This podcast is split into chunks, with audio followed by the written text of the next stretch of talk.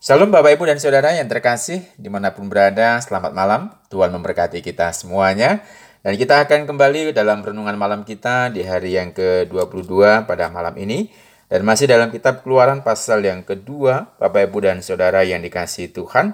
Eh, mari kita bersama-sama fokus pada pasal yang kedua. Kita melihat dalam perikop yang kita baca, mungkin di antara kita ada yang menebak atau akan menghubungkan kisah ini dengan kisah Yesus ya atau ada yang mengarahkan arahnya ke sana. Mari kita pikirkan bersama-sama Bapak Ibu dan Saudara. Artinya Bapak Ibu dan Saudara yang dikasih oleh Tuhan. Di manakah kita dapat menyembunyikan seorang bayi selama tiga bulan? Dan apa yang akan kita lakukan jika bayi yang sedang kita sembunyikan mulai menangis?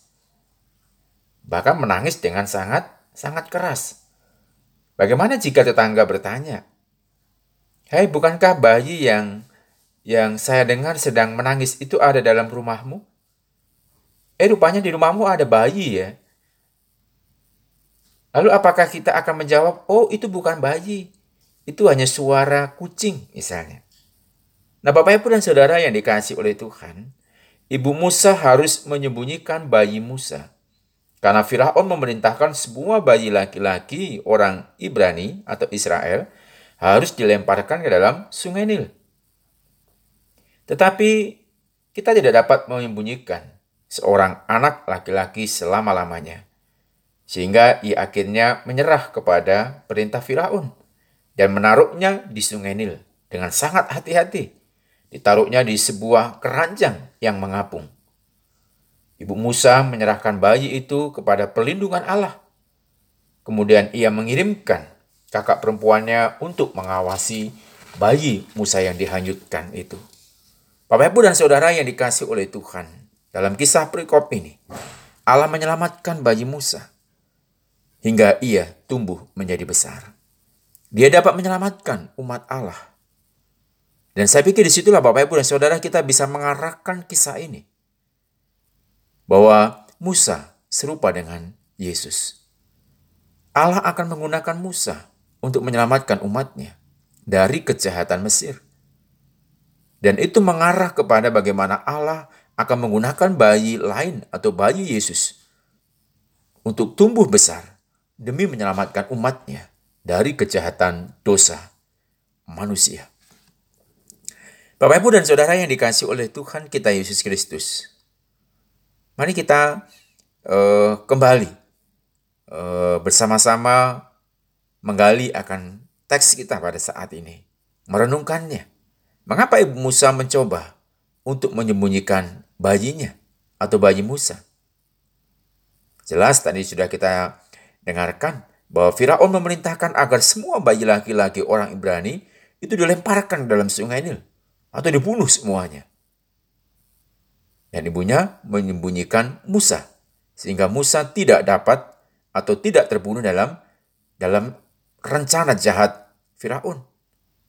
Nah Bapak Ibu dan Saudara yang dikasih oleh Tuhan. Siapa yang selanjutnya akan memelihara bayi Musa pada akhirnya? Dalam bacaan itu kita melihat pada akhirnya ibu Musa, mamanya sendiri.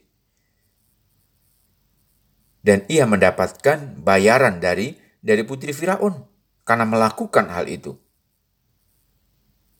Ini adalah suatu penentuan Allah yang sangat menakjubkan yang mungkin bagi anak-anak sering kali tidak menyadarinya. Ibu Musa melepaskan anaknya ke sungai, menyerahkan dia kepada perlindungan Allah. Dan hari itu juga Allah mengembalikan dia kepadanya untuk dibesarkan dengan berkat dari putri Firaun sendiri.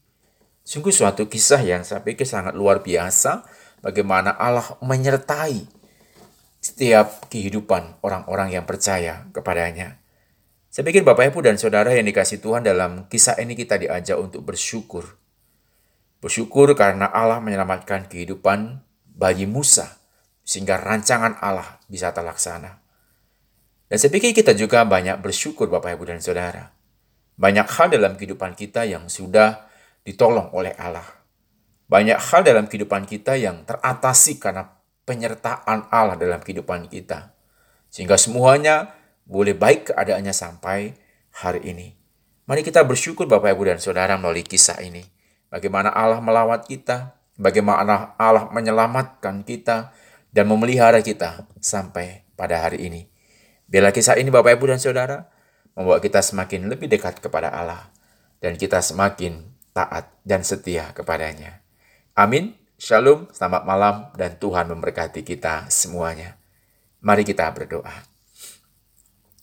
Tuhan Allah Bapa yang di sorga, kami sungguh sangat bersyukur buat kasih dan penyertaan-Mu yang Kau berikan atas kami pada hari ini.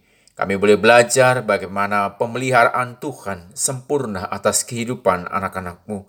Engkau memberkati kehidupan Musa waktu bayi bersama ibunya dan suatu peristiwa yang sangat luar biasa. Dan kami percaya Bapa di sorga, pemeliharaanmu itu juga engkau turunkan atas kami, engkau nyatakan atas kami, atas umatmu yang sampai hari ini terus berharap akan kasih dan juga pertolongan Tuhan. Walaupun Tuhan di tengah-tengah keadaan kami yang mungkin sangat sulit pada hari ini, tapi satu hal yang kami tahu, bahwa Engkau Allah tidak pernah meninggalkan kami. Engkau Allah akan terus ada menyertai kehidupan kami. Berkatilah kami Bapa di surga pada malam yang indah ini. Bahkan saat kami akan membaringkan tubuh dan beristirahat, Tuhan juga yang menjaga dan melindungi kami. Bahkan saat esok hari kami akan bangun dari istirahat kami, Tuhan juga yang memberikan semangat kepada kami, harapan yang baru kepada kami, untuk kami boleh semakin bersemangat menjalani kehidupan, karena ada Allah yang terus senantiasa memberkati menyertai kami. Inilah harapan kami Bapa dan ini doa kami. Kami serahkan kehidupan kami malam ini hanya ke dalam tangan kuasamu. Di dalam nama Yesus kami berdoa dan kami mengucapkan syukur. Amin. Amin. Selamat malam Bapak Ibu. Shalom dan Tuhan memberkati kita semuanya.